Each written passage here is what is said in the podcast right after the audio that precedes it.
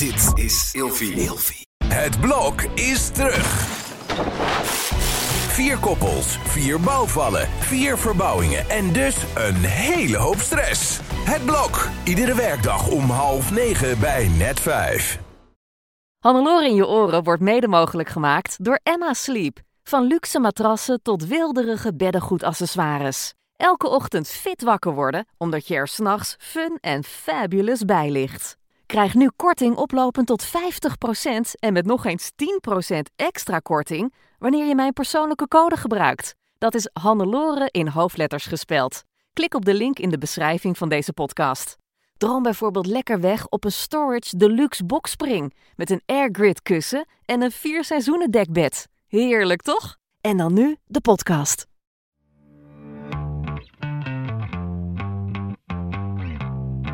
Kom in de flow. Denk ook met je hart. Hannelore in je oren. Fit, fun, fabulous. Hey Hannelore hier, leuk dat je weer luistert naar mijn podcast. Ik maak ze heel vaak, to-do-lijstjes. Meestal voor één dag. Want als ik hem maak voor de lange termijn, dan komt er geen eind aan dat lijstje. Ik ben voor mijn gevoel te veel aan het werk. Maar ja, ik vind het moeilijk om gas terug te nemen. En als ik mezelf dan eindelijk een vrije dag gun, dan heb ik oprecht geen idee wat ik kan doen. Behalve in bad liggen. En dan ga ik in mijn hoofd alweer nieuwe plannen maken. En dan komt er ineens zoveel stress naar boven dat het lijkt alsof er een, een hamster in mijn hoofd rondrent. Herkenbaar? Ik hoop het niet, maar waarschijnlijk lijkt je op zijn minst wel een beetje op mij. Maar hulp is onderweg. Dit is de oplossing. Je hoofd en je hart weer op één lijn krijgen. En waarom en hoe, dat horen we van Tess Keizer. Welkom. Dankjewel. Je bent uh, sociaal psycholoog, spreker, trainer van ondernemers en leiders, expert in hartleiderschap, las ik op je LinkedIn-pagina, en sinds kort, sinds gisteren zelfs, ook schrijver. Want je eerste boek is net uit, Moedig leiden vanuit je hart. Nou, het ziet er ook prachtig uit, je boek. Mooi, wit, zwart, gouden, gouden dingen. Staat goed op de koffietafel ook. Um, welkom bij mij in Hilversum. Want je woont eigenlijk in Mallorca? Ja, dat is de plek waar ik het grootste deel van het jaar woon. Ah, wat heerlijk. Lekker zon, lekker warm. Dat is precies waarom we daar naartoe zijn gegaan. ik begrijp het volkomen. ja, dus dat is een heerlijke plek om te wonen. We wonen daar in een finca, dus dat is een, het Spaanse woord voor boerderij. In de natuur. En uh, ja, dat is enorm genieten. We zijn daar uh, in COVID, het eerste jaar van COVID, hebben we de beslissing gemaakt van ja, we gaan weg hier uit Nederland. En toen zijn we naar Mallorca gegaan. Wat een goede beslissing. Ja. Maar nu dus even hier in Nederland voor de presentatie van je boek. Yes. Gisteren was het zover. Was het een mooie dag? Het was een ongelooflijk mooie ochtend. Een hele speciale ochtend. Want ja, een boek schrijven, dat is best wel een proces. ja. Om dan dat boek in handen te hebben gisteren en ook aan andere mensen uit te kunnen reiken. Ja, dat was een fantastisch moment. Ja, want waarom heb je dit boek geschreven? Want je werkt al heel uh, lang als uh, trainer en als, als coach hè, voor mensen die een bedrijf hebben, de leiders. Uh, maar voor wie heb je dit boek geschreven? Ja, ik heb het echt geschreven voor leiders, voor ondernemers, voor changemakers, voor mensen die voelen, ervaren van hé, hey, het mag anders. We mogen vanuit een andere bron gaan leiden. En wat ik zag in de jaren dat ik uh, nog veel in het bedrijfsleven als trainer-coach werkte, dus zo van 2010 tot 2020, voordat ik echt in het hart startte, zag ik in al die verschillende bedrijven waar ik kwam, dus denk aan grote corporates, verzekeringmaatschappijen, banken, maar ook ziekenhuizen of zorginstellingen, allerlei verschillende plekken, dat er zoveel mensen zijn die in hun hoofd zitten, vanuit hun hoofd leiden. En waar, waar herken je dat aan? In gesprekken dat mensen eigenlijk niet echt een dialoog voeren, maar meer een monoloog. Heel erg bezig zijn met zenden, veel stress ervaren, veel druk ervaren, zich laten leiden door allerlei omstandigheden, cijfers, dingen eigenlijk die buiten henzelf liggen. Uh, waardoor mensen nog meer stress ervaren. Misschien ook wel in zo'n red race komen of het hamsterwiel waar jij, net, waar jij het net over had. Ja. Of een automatische piloot. En dat mensen ja, de verbinding eigenlijk kwijt zijn met, met zichzelf. En daardoor ook met de ander. En dan is een dialoog voeren, echt een gesprek met elkaar, veel lastiger. Dus ik observeerde dat zo. En toen in 2018 kwam ik in, voor het eerst in contact met hartintelligentie. En dat daar ook een wetenschap over is. En toen dacht ik van hé, hey, om mensen echt te connecten met hun essentie, met wie ze werkelijk zijn, met hun authenticiteit, met hun kracht, veerkracht, creativiteit, dat is het hart. En nu is er ook een wetenschap die, die dat uitlegt, die dat concreet maakt. En daar voelde ik van, hé, hey, dat is een brug om mensen mee te nemen in hoe dat werkt. En hoe ze dus veel meer vanuit die kracht van hun hart en de intelligentie van hun hart kunnen leven. En daar gaat dat boek over. En, en dat geldt dus eigenlijk voor iedereen. Dus niet alleen voor de decision makers, zoals jij het noemt. Maar ook uh, voor moeders die thuis zitten met kinderen. Mensen in de zorg, in het onderwijs. Gewoon alles. Eigenlijk wel, ja. En ik geloof ook dat we in, in onze essentie allemaal leiders zijn. We kunnen allemaal de verantwoordelijkheid nemen over ons eigen leven beslissingen maken. En dat hoeft niet per definitie op een heel hoog niveau, maar ook gewoon ja, in je eigen leven. Ja. En ook inderdaad mensen in het onderwijs die voor de klas staan, die hebben een enorme impact op de kinderen die in de klas zitten. Dus welke rol je ook hebt, je kunt altijd leiderschap pakken. En daarmee heb je ook impact op het groter geheel, op de wereld om je heen. Je eigen kinderen, maar misschien ook als uh, dochter van jouw ouders. Um, als vriend, als vriendin. Er zijn zoveel rollen waarin je leiderschap kan pakken en invloed kan hebben op mensen om je heen. Ja. Dus het is voor iedereen dit. Voordat we nou te zweverig gaan worden, je zei het al, het is echt wel op wetenschappelijke basis, hè, dit? Ja, ja. Vertel. Ja. Wat, wat is hartintelligentie? ja, en Want ik ben best wel slim, al zeg ik het zelf, maar ik heb hier nog nooit van gehoord. Ja, wanneer we het hebben over intelligentie en wanneer we het hebben over slim zijn, dan denken we heel snel aan het brein. Hè, dan, heb, dan werkt je brein goed. Tuurlijk, je hebt een IQ-test, uh, eh, je, je, hebt goede examens afgelegd, alles. Precies. En zo zijn we geconditioneerd, zo zijn we geprogrammeerd, zeker in de westerse wereld. En nu blijkt het dat we ook een klein brein in ons hart hebben. Dat betekent dat er 40.000 neurale cellen in je hart zitten. En dit is ontdekt door een neurocardioloog begin jaren 90. Die heeft ook voor het eerst de term hart-brein gebruikt. En wat die 40.000 neurale cellen doen in je hart, is voortdurend informatie zenden naar je brein. En je brein gebruikt die informatie om te reageren, om keuzes te maken. Heel vaak, heel snel en onbewust. Eigenlijk zou je dus in die zin kunnen zeggen dat het hart de master is over het brein. Dat het brein de informatie van het hart nodig heeft om optimaal te kunnen functioneren. Maar wat geeft dat door dan? Gewoon hoe het fysiek met je gaat? Het geeft eigenlijk aan of je in een staat van rust of in een staat van stress bent. En dat heeft te maken met de coherentie, de mate van coherentie in je hart. Coherentie betekent dat er een samenhang, dat er een harmonieus ritme is tussen je hartslagen in. En dat kan je meten met de Heart Rate Variability, HRV hele fancy horloges. Die meten dat. oh, zo'n sporthorloge. Ik heb het ook een tijd omgehad. Ik werd daar echt knettergek van. Ja. Ook, en af en toe zei hij eens hoge hartslag. Dacht ja, ik weet wel, het is spannend nu, maar val me hier even niet mee lastig, want ik moet door. Of dan zei hij ineens, ja, tijd om weer wat aan beweging te doen. Dan zag hij dat mijn hartslag blijkbaar te laag werd of zo. Ik weet het ook niet. Ja. Maar zo'n sporthorloge kan jou dus ook vertellen of die hartslag oké is.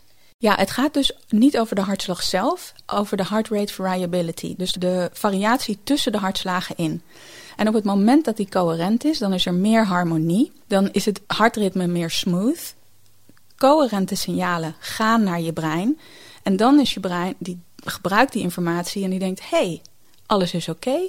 En dan gaat het brein het higher processing gedeelte gebruiken. Dus zeg maar je Einstein-brein. Je slimme brein, je heldere brein, dat gaat aan. Omdat het de signalen krijgt van het hart, hé, hey, alles is oké. Alleen, het kan ook dat er incoherente signalen vanuit het hart naar het brein worden gestuurd. En dit is in veel gevallen misschien wel vaker het geval. Ja, en dat komt dan door stress, denk ik. Vermoeidheid. Ja, en met name de emoties die we ervaren, die hebben daar een belangrijke rol in. Dus incoherentie in het hart betekent dat er een, een messy, een rommelig ritme is tussen die hartslagen in. Wanneer je je onzeker voelt, wanneer je gehaast voelt, wanneer je competitie ervaart, wanneer je zorgen hebt, wanneer je angstig bent. En dit zijn natuurlijk emoties die in de tijd van nu, waar zoveel snelle veranderingen zijn, waar er misschien zoveel van je gevraagd wordt, onzekerheid over de toekomst. Um, ja, het, het, woord onveiligheid komt ineens echt bij me boven. Ik denk, zodra dus je hart doorgeeft van je zit nu in een onveilige situatie, ja. dan kan je dus eigenlijk niet meer logisch nadenken. Nee. Want wat er dan gebeurt, die incoherente signalen, hè, die 40.000 neurale cellen, sturen dat naar je brein. En je brein denkt: oh, paniek, overleven. Precies, overleven. En gaat dus straight, automatisch in die overlevingsmechanismes. Vluchten, vechten, bevriezen, Eten. verstoppen, eten. Ja, dat kan ook een, Ja. een, een manier zijn hoe je daarop reageert. Maar ook, hè, je zit bijvoorbeeld ergens, je schrikt en je staat met je mond vol tanden. Of een ander in een meeting, die, gaat, die krijgt juist, hè, die gaat Herrie maken, overcompenseren, Precies, ja. die, die krijgt een grote mond. Dus zo zie je dat iedereen ook, en misschien ook wel in verschillende situaties, verschillende triggers, eigen survival mechanismes heeft. Het hart speelt daar dus een hele belangrijke rol in. Die coherentie of die incoherentie heeft te maken met je emotionele staat van zijn. En ik benoemde net van wat er gebeurt of welke emoties je ervaart wanneer die incoherentie wordt, wordt ge- ge- gecreëerd. Op het moment dat je dankbaarheid voelt, dat je je tevreden voelt, op het moment dat je liefde ervaart, compassie, waardering, dat zijn emoties die voor een coherent ritme zorgen. En dat is wanneer je dus inderdaad dat heldere gedeelte van het brein gaat gebruiken. Plus ook dat er een hele andere afname van allerlei belangrijke stofjes is. En een hele belangrijke is coherentie. Dan wordt er meer DHEA afgegeven. Hoe? D-H-E-A. Die kende ik nog niet. Ik denk, je gaat het nu hebben over dopamine, serotine, oxytocine, dat soort dingen. Dat zijn ook hele belangrijke die, in die met dat coherente Schud ik zo maar even af- uit de, uit de losse hè? Heel goed, heel goed. Maar die DHEA, dat wordt ook wel het verjongingshormoon genoemd. Oh, je hebt mijn aandacht. Oh, Dus je zou kunnen zeggen dat coherentie creëren in je hart beter werkt dan welk anti-rimpelcremmetje dan ook. wat goed. Want het zijn dus cellen die regenereren. Of het is een stofje die ervoor zorgt dat cellen regenereren. En ja, dat is belangrijk voor onze gezondheid. Dat is belangrijk voor onze vitaliteit. Dat is belangrijk voor onze veerkracht, voor hoe we ons voelen. Dus daarom ook bijvoorbeeld dat mensen die een tijd lang heel veel stress ervaren ineens grijs kunnen worden. Of in één keer heel oud en vermoeid uit kunnen zien. Precies dat. Je ziet inderdaad veel meer rimpels, ogen die minder glimmen, haar dat dof is Ja. of grijs is geworden. En dat heeft ermee te maken dat die incoherentie in het hart zet dus ook weer allerlei andere systemen in werking. En met name de afname van cortisol wordt dan heel erg hoog. En nu is een klein beetje cortisol, dat is juist goed. Dat hebben we nodig. Als Precies. oppepper ook natuurlijk. Precies, om uit je bed te komen of om jezelf te preppen voor een belangrijke presentatie of wat het ook is. Alleen wanneer je dus lang in die staat van survival bent, in die staat van incoherentie, dan wordt die afname van cortisol hoog en lang en dan werkt het destructief. En, en, afname van kort, zeg maar de afgifte. Dus hoeveel je aanmaakt. Ja, precies. Ja, precies. Oké, nou ja, helder. Dus ehm, we moeten dus voor ons hart, voor het, het kleine breintje in ons hart, moeten we dus dankbaar zijn. We moeten rustig zijn.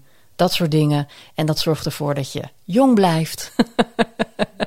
en ontspannen en goede beslissingen kan nemen. Ja, want dan gaat uiteindelijk dus ook je oplossend vermogen gaat omhoog. Je reactievermogen gaat omhoog. Je bent creatiever.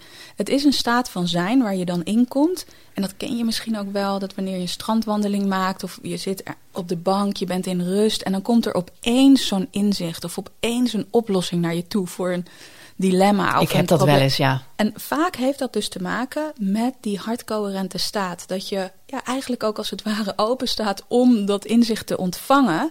En dat het dan naar je toe komt. En dat je ook weet in dat moment, zonder logische beredeneringen of argumentatie, maar dat je weet: hé, hey, ja, dit is wat ik te doen heb. Dit voelt goed. Dit voelt goed, dit is goed, dit, dit is het. dit is de sleutel. Ja. Maar dat heeft er dus mee te maken dat we die, die hartintelligente staat ja, te creëren hebben. Ja, want hoe doen we dat? Allereerst, hoe is het gesteld met onze hartintelligentie? Ja, goede vraag. Want Goeie het, het IQ is te testen. Dit lijkt me toch wat lastiger. Ja. Maar hoe in balans zijn we dan?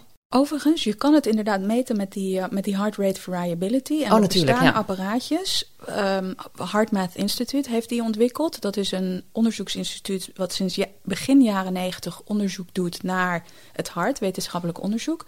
En daar kun je ook zien van, hé, hey, wat is nou mijn baseline als het gaat over coherentie?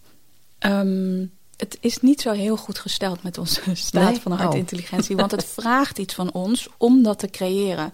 En uit wetenschappelijk onderzoek blijkt dat we zo ongeveer 70% van de tijd in survival zijn, in overleving zijn. 70% van de tijd? Ja, ja. En Daar schrik ik van. Dat vind ik wel heel veel. Ja, dat is ook veel. En ik denk soms ook, en, en, en daar, dat baseer ik niet op wetenschappelijk onderzoek, maar wel als ik kijk naar de tijd waarin we leven, met die snelle veranderingen, onzekerheid over de toekomst, uh, crisis of oorlogen over de wereld, wat heel veel met je kan doen, wat je kan raken. Uh, maar ook de opkomst van kunstmatige intelligentie, wat onze banen, het hele werklandschap er anders uit laat zien.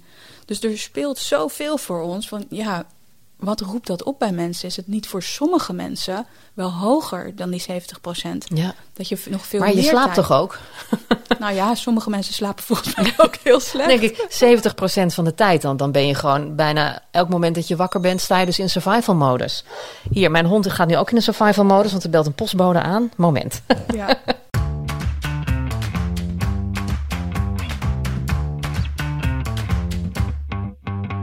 Oké, dus als we er nou van uitgaan hè, dat we 70% van de tijd dus inderdaad in die, in die overlevingsstand zijn. hoe, hoe weet je dan, zonder die apparatuur waar je net over vertelde, dat het bij jou ook zo is? Waar kan je dat aan merken? Want ik denk dan, oh, bij mij is het niet zo erg. nou ja, misschien het voorbeeld wat je net beschreef, dat je daaruit wel kan halen van, oh ja, ik sta dus continu aan. Ik ben continu bezig met plannen bedenken, of dan wil ik even gaan rusten, dan komen er weer allemaal plannen op. Um, mensen die in bed liggen te piekeren, die hun, hun werk niet van zich af kunnen zetten. Ja, er zijn denk ik zoveel signalen waaraan je kan merken van hé, hey, ik sta al door aan. mijn hoofd staat niet stil. Ik ben aan het rennen in zo'n hamsterwiel, in die rat race of misschien op een automatische piloot. Dus allereerst vraagt het ook bewustzijn van hé, hey, wat gebeurt er eigenlijk met mij? Waar ben ik eigenlijk mee bezig? En voel ik me daar prettig bij? Wat voor emoties ervaar ik? Voel ik misschien onzekerheid of angst of veel, veel spanning of gehaastheid. Um, en wat het is, deze emoties kunnen ook een verslaving worden. Want ik had het erover, hè, die stofjes die vrijkomen, kun je eigenlijk een beetje ja, jezelf voorstellen als een soort, soort cocktail die er vrijkomt. En op het moment dat je veel in die stress zit, in die hartincoherente staat, gehaastheid, uh, onzekerheid, angst, frustratie, boosheid misschien. Die toxische juice die er dan vrijkomt, want dat is een toxische juice, die kan je lichaam tegelijkertijd ook heel lekker vinden. Dat je echt eigenlijk als het ware een soort craving krijgt naar weer die cocktail. En dat je daardoor ook situaties gaat opzoeken of gedrag gaat, blijft laten zien, waardoor dat de hele tijd gegenereerd wordt. Mm, dus door die stress ga je ook juist weer die stress opzoeken, omdat je het gevoel hebt dat je lichaam dat nodig heeft. Dat, dat constante aanstaan ook. Ja, want denk maar aan, de, aan die hamster die in dat wiel maar blijft rondrennen. Ja, die wil op een gegeven moment niet meer, maar die, die moet wel, want die zit nou helemaal in dat wiel. Ja, en zo is het soms bij ons ook. Dat we daar ook in blijven doorrennen. Of dat we in situaties blijven, in een baan blijven. Of misschien in een relatie blijven. Of in een setting blijven. Waar we ons eigenlijk helemaal niet fijn bij voelen. Maar dat we daar toch in blijven doorgaan. En dat vraagt dus bewustzijn van: oké, hey, ben ik, ben ik hier happy mee? Hoe voel ik me eigenlijk? En dat vraagt stilstaan. Hoe doen we dat? Hoe, hoe ga ik mijn hartintelligentie verbeteren? Hoe ga ik dat doen? Want ik maak me nu zorgen. Allereerst, het is eigenlijk heel simpel. Het heeft alles te maken met contact maken met je hart. Het heeft alles te maken met even een pas op de plaats maken. Misschien echt even gaan zitten. Als je merkt van, oh, ik kom nu in die, in, in die race. Hè, of ik kom nu in, die, in dat aanstaan. Ja, je hebt nu zo'n aanstaan moment. Ja, ja, precies. Om dan echt, nou, je even jezelf bij de lurven te grijpen. Mhm. Pas op de plaats te gaan maken. Of een pas op de plaats te maken. Even te gaan zitten. En het start eigenlijk met je ademhaling. En je heel bewust worden van je ademhaling. Je ademhaling dieper en langzamer maken dan normaal. En hier gebeurt iets bijzonders. Want als we dat doen, die ademhaling dieper en langzamer maken dan normaal. Dan komt, gaat er een signaal naar je brein. Je bent veilig. Je kan vertrouwen. En jij noemde dat net ook al eventjes, hè, die onveiligheid van wat dat met je kan doen. En andersom dus, als je die, dat signaal naar je brein laat gaan, je bent veilig oh, oké. Ja. Dan kan je systeem ook echt even landen in het nu, in het presente moment, aanwezig worden met, met jezelf. Ja, dus jou, dat, is je, pauze, je pauzeknop. Precies. Hoe doe je dat? Want je gaat zitten en dan moet je dan bijvoorbeeld eh, je handen op je borst leggen of juist op je buik voor je ademhaling. Wat doen we? Ademhaling dieper en dieper en langzamer maken dan normaal. En dan breng je je aandacht naar je borstgebied. Dus je brengt je aandacht, je focus naar je borstgebied. En dan breng je je aandacht naar je hart. En dan kun je inderdaad je linkerhand op je hart leggen. Ik weet net waar mijn hart zit. Zit dat nou links of zit het rechts als ik met mijn hand erop doe? Het zit, het zit iets naar de, naar de linkerkant, maar eigenlijk gaat het erom dat jij contact maakt met je energetisch hart. Dus waar voor jou het gevoel van, hé, hey, dit is mijn kern, Oh ja. dit is mijn Ik essentie. wil dan weer precies op de goede plek zitten, maar jij zegt maakt niet uit. Nou, ik zeg niet maakt niet uit, maar wel waar het voor jou voelt van... hé, hey, en daar mag je ook je intuïtie Ik voor heb dat in het midden. Ja. Hier gewoon. Dus dan gebruik je die plek. Daar leg je je hand op. Je brengt je focus daar naartoe. Want op het moment dat jij je aandacht naar een plek toe brengt, dan gaat je energie naar die plek. En wat we eigenlijk willen, en dat is ook weer die coherentie, hoe meer energie er in je hart is, hoe meer coherent. Al die emoties die ik eerder beschreef, waardering, compassie, liefde, tevredenheid, Dankbaarheid. Ja. Dankbaarheid, vreugde, enthousiasme, passie zijn allemaal emoties met een hoge frequentie van energie. En die energie die wil je in je hart vullen, laten groeien. Dus ademhaling dieper en langzamer dan Ja. normaal. Dus Aandacht bijvoorbeeld eh, vijf tellen in, zeven tellen uit. Zoiets. Even heel concreet. Ja. ja, ja. En dan doe je de heart focused breathing. En de heart focused breathing of de hartgefocuste ademhaling is in en uit je hart ademen. Klinkt misschien een beetje raar. Ja, mijn wenkbrauwen vliegen nu omhoog. Hoe doe ik dat vanuit mijn hart ademen? Visualiseer maar dat bij elke inademing je adem je hart ingaat en vervolgens weer uit. Oh, dat ga ik even proberen. Oké. Dus je ademt in en uit je hart. Ik zit nu zeg maar alsof ik in mijn eigen lijf kijk hier naar mijn hart. Mhm. Dat, dat is dan voor mij het visualiseren. Ja, Doe ik dat dan goed? ja, ja. En vervolgens visualiseer je ook hoe je in en uit je hart ademt. En laatst sprak ik iemand en die zei van... Oh, ik heb daar soms een beetje moeite mee, weet je. En dan gaat mijn ratio brein gaat weer zo aan. Ja, die- wat en ben je nou aan het doen? zie Ja. dat hele fysieke hart. En, en toen zei ze, hey, wat heel erg voor mij werkt... ik zie dan een soort van zee en alsof die golven zo in mijn hart gaan... en weer uit mijn hart gaan. En dat werkte voor haar om echt in die ontspanning te komen... en die energie te laten groeien naar haar hart. Dus hier gebruik ook je eigen fantasie, gebruik je eigen visualisatievermogen. Want we zijn als mens in essentie zo super creatief. We hebben zo'n verbeeldingsvermogen. En daar mag je weer mee connecten en dat mag je onderzoeken en uitnodigen. dat zit ik nog steeds te met mijn laten handen op komen. mijn borst hier. Oké. Ja, ik snap wat je bedoelt. Maar ik ga het doen als ik eh, in mijn eentje in bed lig, denk ik. Dat is een heel mooi moment. Als je voor het slapen gaan, dat je die coherentie opzoekt. Want wat blijkt, wanneer je die heart focused breathing, en dat blijkt ook uit wetenschappelijk onderzoek van HeartMath Institute, als je dit heel gericht een aantal keren per dag doet, en dan heb ik het over drie, vier keer per dag voor een aantal minuten, dan heeft dat al effect op die baseline van jou. Dus zit jij meer in een survival baseline, merk je dat je veel aanstaat, wat dus effect heeft op die incoherentie in het hart.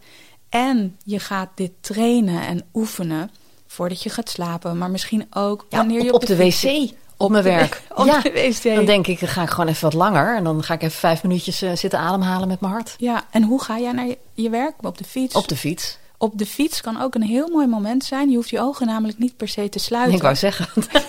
dat wordt Anders lastig. wordt het gevaarlijk. Ja, ja, ja. Nee, maar dat je gewoon op de fiets zit. Ik, ik deed dat ook heel vaak. Nu fiets ik niet meer zoveel, omdat we op Mallorca in, op het platteland in El Campo woonden. Maar toen ik nog in Amsterdam woonde en ik fietste zo door de stad heen, deed ik heel vaak die hard focus breathing. Gewoon om te connecten dus met mezelf en die coherente staat op te roepen. Maar ook wanneer je de vaatwasser aan het inruimen bent. Of allerlei andere momenten. Misschien sta je in de file eh, en raak je daar Nou, gestrest van. voel je dan maar eens dankbaar. En gefrustreerd. dat is wel next level. Ehm, dus om dan die hard focus breathing te doen. Ja, en dat blijkt dus dat het echt effect heeft, impact heeft op onze staat van zijn. En dus dat we meer die coherentie creëren. En dat heeft mega grote effecten op hoe we ons voelen. En waar denk je dan aan op dat moment dat je met je hart aan het ademhalen bent? Moet je dan bijvoorbeeld bedenken, nou je moet niks stuk snap ik, maar wil je dan bijvoorbeeld denken aan dingen waar je dankbaar voor bent of waar je blij van wordt? Moet je ook dan dat soort gedachten proberen bewust te sturen? Je zou in eerste instantie gewoon alleen maar je kunnen richten op die heart focus breathing, op die ademhaling in en uit het hart. En een volgende stap is inderdaad om een emotie te genereren, een gevoel te activeren van dankbaarheid, van waardering, van vreugde, van tevredenheid. En dat kan een moment zijn, misschien een hele mooie vakantie die je ooit hebt beleefd, of iemand van wie je heel veel houdt. Huisdieren doen het overigens heel goed. Oh ja. Om te denken bijvoorbeeld aan je hond of aan je kat of aan een paard. Want huisdieren, daar hebben we vaak zo'n onvoorwaardelijke liefde Ja, voor. die Er zijn ook zo puur. Precies, er zit niet verder een verhaal aan vast of iets dergelijks. Dus daar, dan kunnen we heel gemakkelijk die, die liefde of die dankbaarheid die we voelen voor dat dier oproepen. En daar gaat het om, dat je jezelf in die coherentie ervaart. Dat je het echt beleeft en voelt. Dus voor de mensen die heel hoofdelijk zijn en denken aan... oh ja, ik, ik denk aan dat ik dankbaar ben... breng jezelf maar terug in die ervaring. En dan laat je je hele hart of je hele borst laat je vullen met die, met die energie die je dan ervaart. Met dat gevoel, met die emotie. En nogmaals, als je nu dit aan het luisteren bent en denkt... waar heb je het over? Of weet je, dat, wow, dat klinkt, dat, dat is niks voor mij. Oefen maar. Gun het jezelf maar om dat te oefenen. Die heart focus breathing en het genereren van zo'n gevoel van dankbaarheid, waardering, compassie, liefde, vreugde, enthousiasme in je hart, in je borstgebied. Want het blijkt gewoon dat het hele grote effecten heeft op, op onze staat van zijn. Ja, wat, wat merk je daarvan dan? Mensen worden kalmer, rustiger, voelen zich ehm, meer tevreden, gewoon meer oké met zichzelf en met alles wat er om hen heen gebeurt. Hè, ik noemde eerder van wat ik ook zag en wat ik observeer en wat ik nog steeds overigens observeer bij veel mensen, is dat we ons zo laten leiden door wat er buiten ons gebeurt. Door omstandigheden, door cijfers, door verwachtingen van anderen, misschien nog van vroeger. Misschien verwachtingen binnen de organisatie waar je werkt of eh, vrienden of familie. Social media. Social media, ja, daar noem je er Ja. eentje. En dat we ook ons constant aan het vergelijken zijn met anderen. Of, of we aan die verwachtingen voldoen. Kortom, onze focus ligt heel erg buiten onszelf. En dat kan veel gevoelens oproepen van onzekerheid, tekort, frustratie. Oh, ik moet daaraan voldoen. Machteloosheid. Ja, precies. En, en deze technieken nodigen je uit om contact te maken met jou en wat er in jou leeft. Leiden van binnen naar buiten.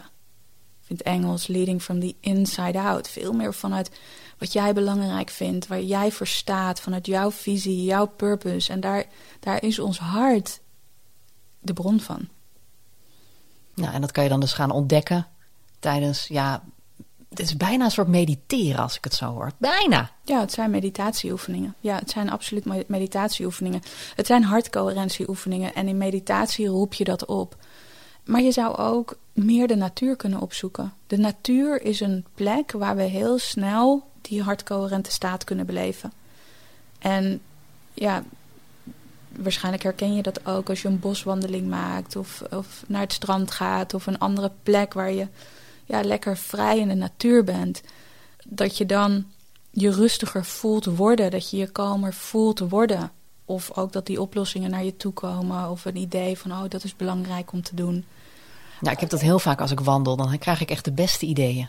Ja, en dat heeft er alles mee te maken dat je dan in, jezelf in een andere staat van zijn brengt door te wandelen, maar ook door wat de natuur oproept in, in relatie eigenlijk tot jou. Heeft alles te maken met wanneer we in de natuur zijn, dat ons systeem eigenlijk synchroon gaat lopen met die natuur. En dat, dat creëert die coherentie. Dus, ademhalen vanuit je hart Mhm. en anders het bos in. Toch? Ja, ja. En, en vooral dus ook tijd creëren, ruimte creëren om die fluistering van je hart te, te kunnen horen. Want ons hart fluistert. Ons hart heeft een hele stille stem. Je hebt ruimte nodig om die stem te kunnen horen. Je hebt stilte nodig om die stem te kunnen horen. Want een andere belangrijke die ik nog niet heb benoemd, is wanneer we in die hartintelligente staat zijn, we meer verbonden zijn met onze intuïtie. En intuïtie is een heel zuivere vorm van intelligentie. Een hele, hele korte hint van informatie die je kan krijgen. En ons hart is de deur naar die intuïtieve intelligentie.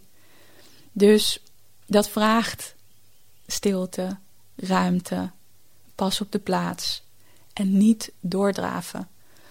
En wel je openstellen dus voor, voor, die, voor die mooie inzichten die dan kunnen komen. Want wat blijkt is dat ons brein dus ook echt beter gaat werken. Dat juist dat Einstein-brein aan, uh, aangaat. En dat is uiteindelijk ook voor intelligente mensen toch juist wat je wilt opzoeken. Van, oh ja, ja, daar zitten de schatten, daar zitten de, de, de slimme ideeën of de, de mooie creatieve concepten. Ja, ik heb nu ook best wel vaak, ik heb nu een hele drukke periode in mijn leven. En dan vragen mensen wel eens van, ja, wat wil je dan? Eh, wat, wat voelt goed van je, voor jou? En ik zei ook gewoon vorige week tegen iemand: Ik weet het niet. Ik moet het even goed gaan, uh, gaan voelen.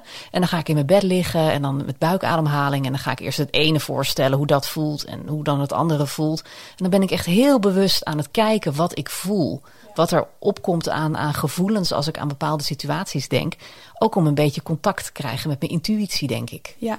Dus eigenlijk deed ik dit al een klein beetje. En een belangrijke noot hierbij is dat intuïtie en gevoel niet hetzelfde zijn. Want we kunnen ons heel goed ergens bij voelen, omdat we het goed kennen. Mm dat is ook een beetje waarom we in bepaalde situaties kunnen blijven, die eigenlijk helemaal niet goed voor ons zijn. Alleen die wel goed voelen, omdat we dat zo goed kennen. Denk aan een bepaalde baan of een opdracht of, of een relatie waar je in zit of een vriendschap waar je in zit. Um, we herkennen het, dus we vinden het fijn. Intuïtie daarentegen kan soms ook best wel confronterende informatie geven. Uh, om met iets te stoppen. Of juist om met iets te starten wat je eigenlijk rete spannend vindt. wat heel oncomfortabel is. Dus ja, dat is belangrijk om je daar bewust van te zijn. Van ja, wat is nu intuïtie en wat is een geconditioneerd gevoel? Gewoon omdat ik het fijn vind en, en daarom voelt het goed. Ja. Ja, ik, ik, snap precies wat je bedoelt. Daar zit ik nu ook in op dit moment. Dan denk ik van, ga ik door met uh, nieuws lezen, wat ik heel graag doe. Wat inderdaad goed voelt. Of ga ik wat meer een plek voor mezelf opeisen? Ja. En eigenlijk zegt mijn intuïtie dat ik dat nu moet doen. Maar dat voelt extreem ongemakkelijk. Ja, ja. En dat maakt ook dat echt naar je hart luisteren extreem spannend en ongemakkelijk kan zijn. Want het kan je nog wel eens in de richting leiden van keuzes dat je denkt, oeh, dat, ja, dat vraagt heel veel van me, omdat het zo anders is dan ja, wat, ik, wat ik misschien een hele tijd in mijn leven of mijn hele leven eigenlijk heb gedaan. Terwijl je ook weet of voelt van, hé, hey, maar daar, daar zit wel het Dit goud. Is het. Ja, Dit is ja, het. Ja. En dan tegelijkertijd, ons hart is ook de plek waar, waar we moed vinden. Moed met een D. dus ja. die moet met een T van nee, het rennen in dat hamsterwiel ja. en zo. Maar moet met een D. En, en dat is ook wel een mooie, want het, um, het, woord, het Franse woord keur, hart, is... Wacht even. Ik snap wat je wil zeggen, want het lijkt op courage. Wat ook natuurlijk uh, moed betekent in het Engels. Precies. Dan zal het in het Frans wel courage zijn als wel, of niet? Ja, dus het, het, het Engelse woord courage, moed, komt van het Franse woord keur. En dat komt van het Latijnse woord cor, cor. En dat betekent telling one's truth. Dus vrij vertaald, je waarheid volgen. Je eigen waarheid spreken. En, en dat is moedig. Um, en ons hart is, ja, is de plek, de bron van, van die energie... of waar je uit kan putten om inderdaad die spannende keuzes te maken... om je eigen pad te volgen, om voor je visie te gaan staan.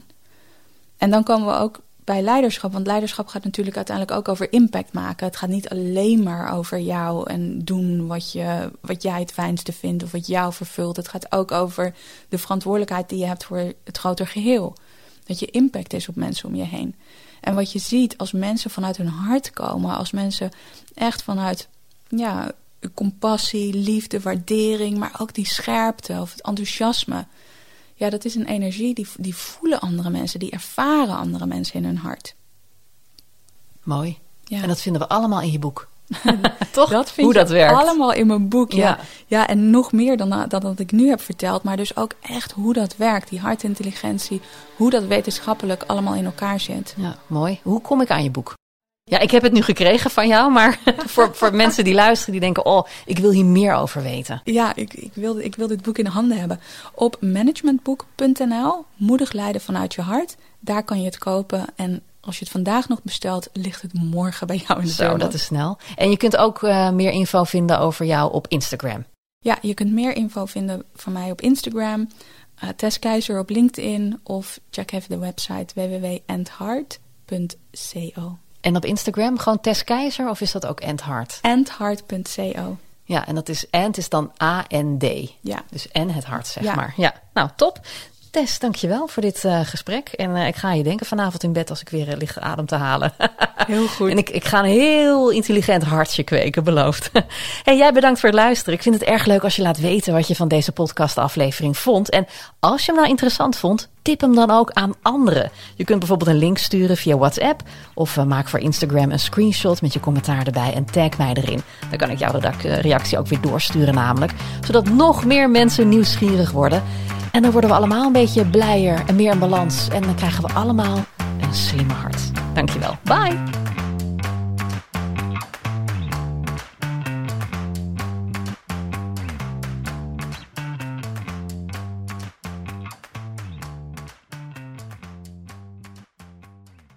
Hannelore in je oren wordt mede mogelijk gemaakt door Emma Sleep. Krijg nu korting oplopend tot 50% en met nog eens 10% extra korting wanneer je mijn persoonlijke code gebruikt. Dat is Hannelore in hoofdletters gespeld. Klik op de link in de beschrijving van deze podcast.